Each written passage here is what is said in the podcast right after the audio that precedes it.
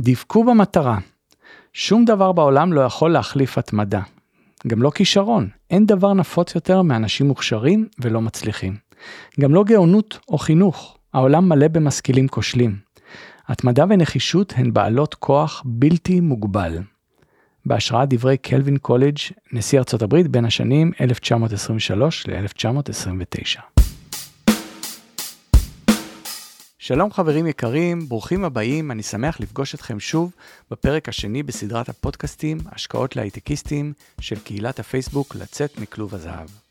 פתחתי את הפודקאסט במשפט של ריי קרוק, מייסד מקדונלדס שדיבר על התמדה ונחישות. היום אנחנו נדון בנושאים שדורשים בדיוק את זה.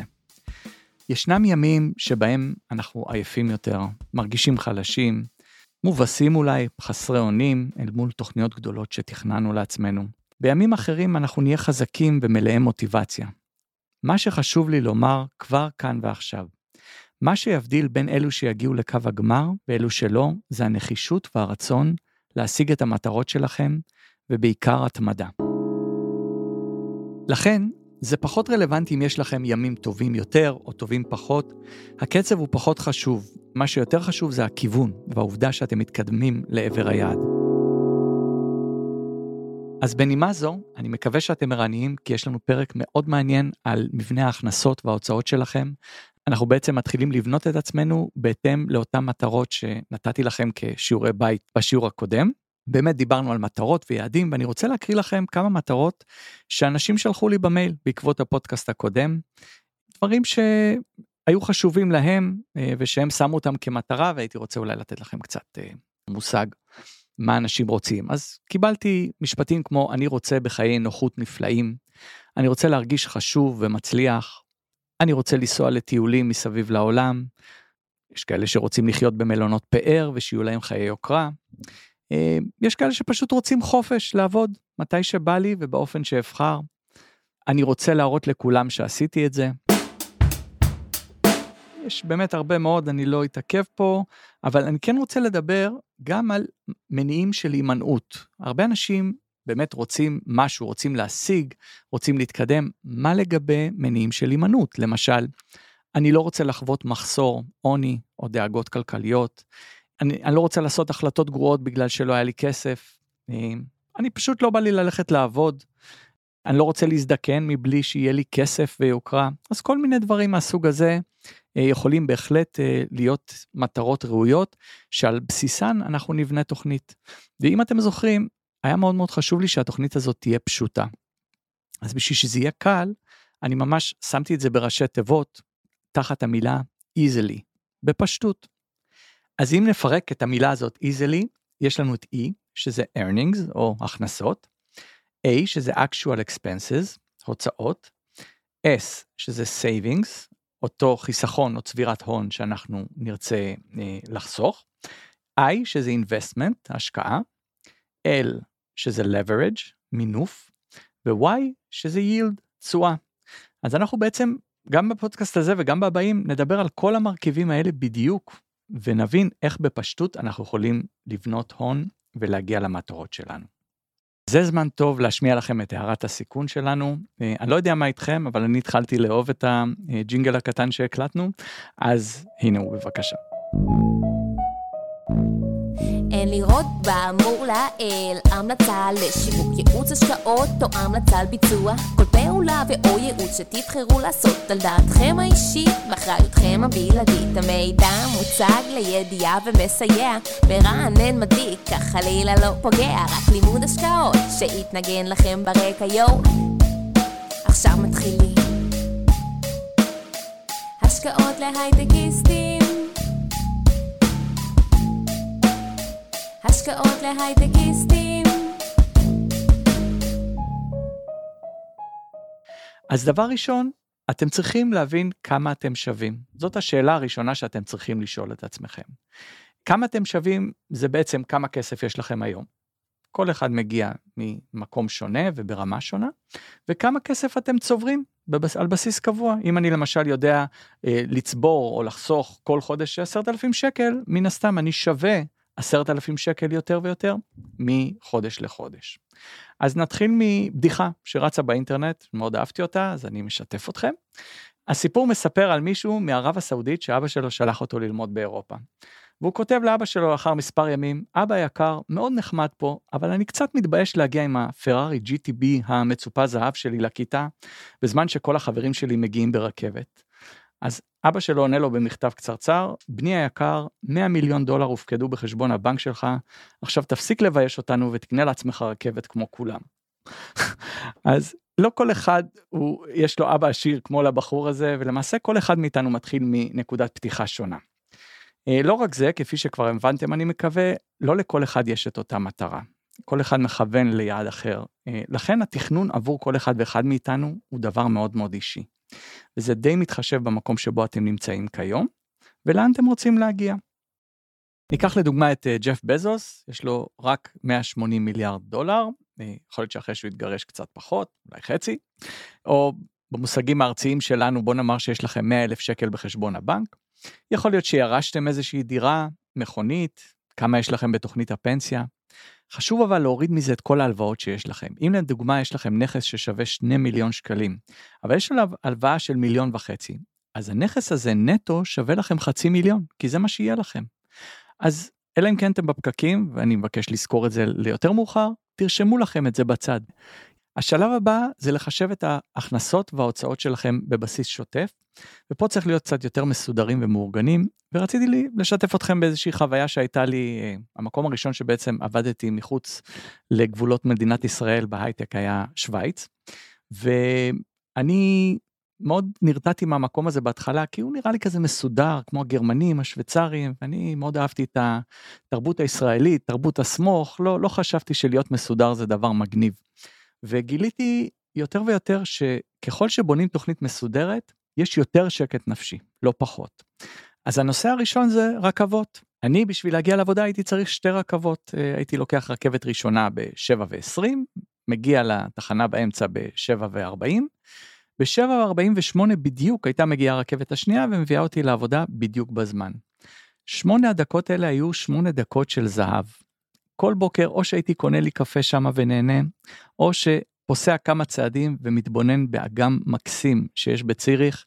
הייתי יושב שם איזה חמש או שש דקות, בכלל לא הדאיג אותי, תגיע רכבת, לא תגיע רכבת, ידעתי, יש לי שמונה דקות בדיוק, זה נתן לי המון המון שקט. ואחד הדברים המצחיקים, באחד הימים שמעתי הודעות אחת אחרי השנייה בגרמנית, לא הבנתי מה הם רוצים, וככל ש...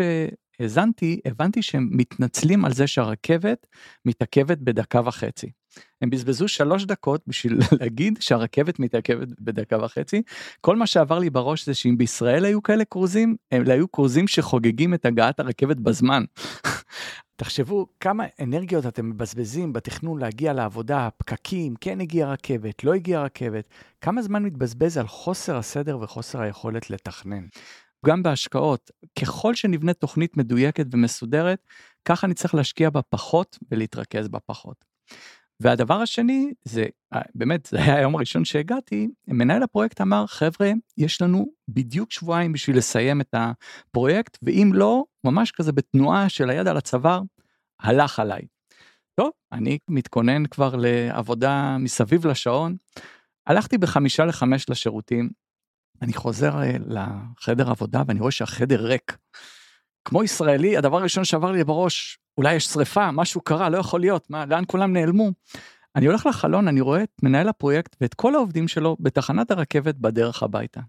טוב, אספתי את התיק והגעתי לתחנה, אמרתי לו, תגיד לי, לא, לא אמרת שעוד שבועיים אנחנו חייבים לסיים, ואם לא, אז הלך עליך? הוא אומר לי, תראה, אצלנו, בתרבות שלנו, אם לא סיימת משהו בזמן, או שלא היה לך מספיק כוח אדם, או שלא תכננת נכון את היעדים שלך. ואני מאוד מאוד התחברתי למשפט הזה, זה באמת מוביל להרבה מאוד שקט נפשי, כמובן שמיד אחרי שעלינו לרכבת עצרנו בבר המקומי, ישבנו שעה וצחקנו, וחזרנו לעבוד כרגיל יום למחרת. דרך אגב, סיימנו את הפרויקט בזמן. אני מאוד מאוד אוהב את הרעיון הזה של להגדיר לנו יעדים שהם ריאליים, ולדאוג שיהיה לנו מספיק, במקרה הזה זה כסף, כמו כוח אדם, בשביל להגיע אליהם. אם אנחנו מגדירים לעצמנו יעדים משוגעים, כאלה שאין לנו שום סיכוי להגיע אליהם, אנחנו כנראה נעבוד מאוד מאוד קשה. וזאת לא המטרה, המטרה היא שתהנו תוך כדי.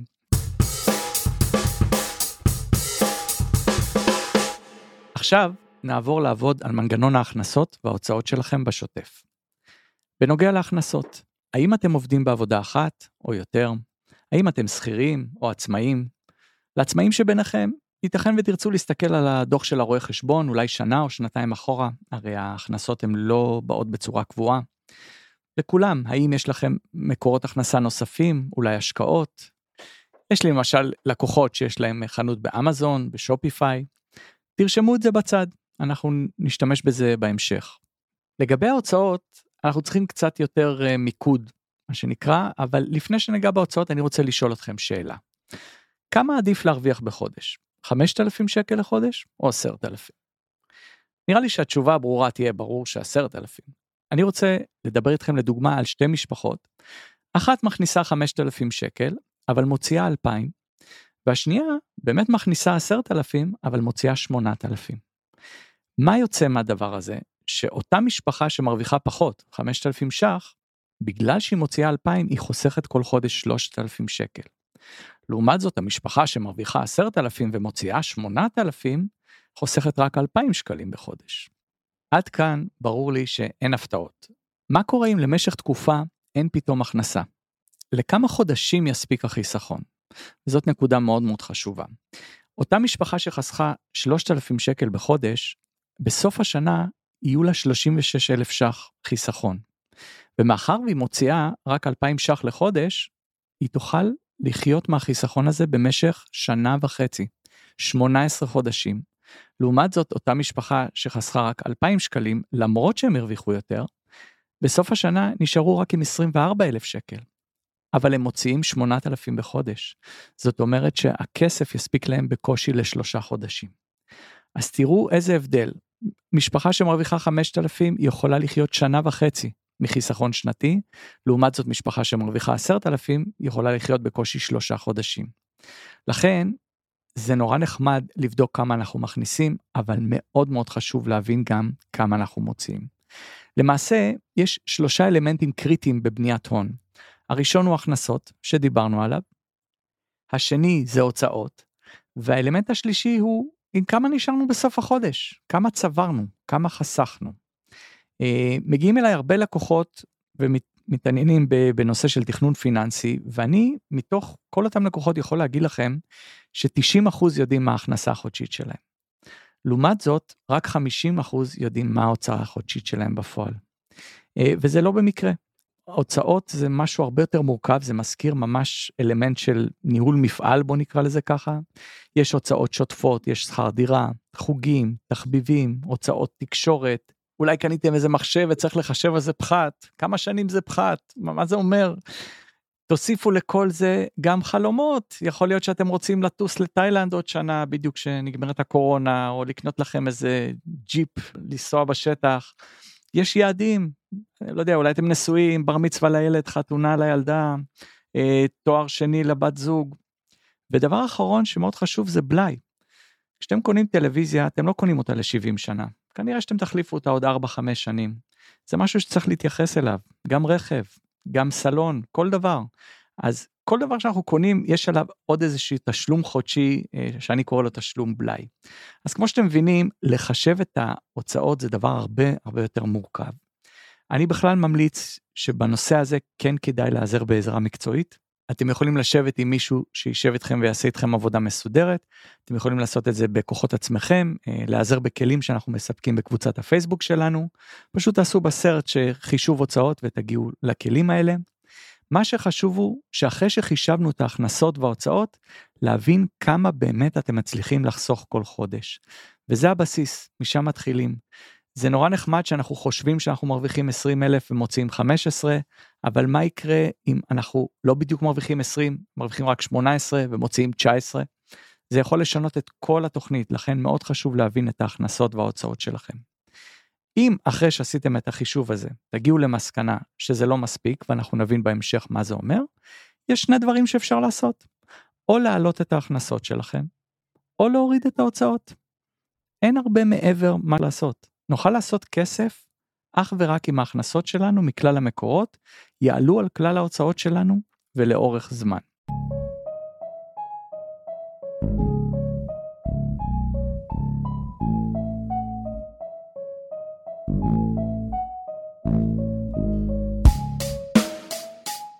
אז הנקודות שאני רוצה שתזכרו מהפודקאסט הזה ושתחשבו עליהן קצת, כמה אתם שווים, כמה אתם מכניסים בממוצע, וכמה אתם מוציאים בממוצע.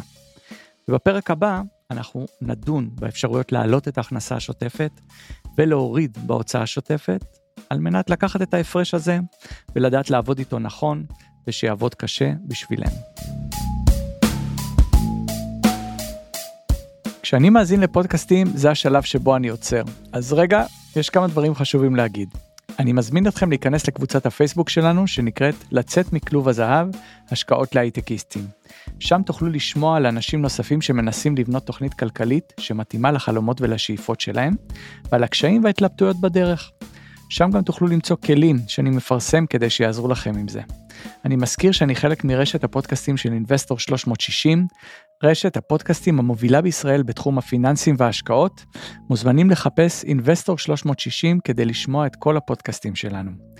ותודה לדור קומט ואורי טולדנו משם הפודקאסטים ויצירות סאונד שערכו והפיקו. אני צחי איציק, תודה על ההאזנה. וואלה, נגמר לי הכל. ביי.